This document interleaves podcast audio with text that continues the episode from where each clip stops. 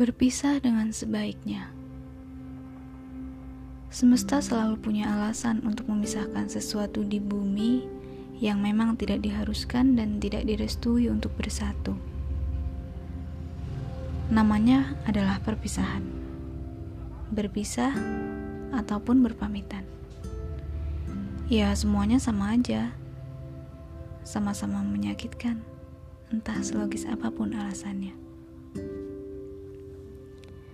Hati itu gak pernah salah dengan semua yang ada di dalamnya. Cinta, kasih sayang, peduli, bahkan rasa tidak suka sekalipun. Kalau mulut emang bisa bilang enggak, bahkan begitu terlihat sangat meyakinkan. Tapi coba lihat binar matanya karena itu adalah satu-satunya indera yang tidak akan pernah bisa berbohong. Yang salah itu waktu dan keadaan.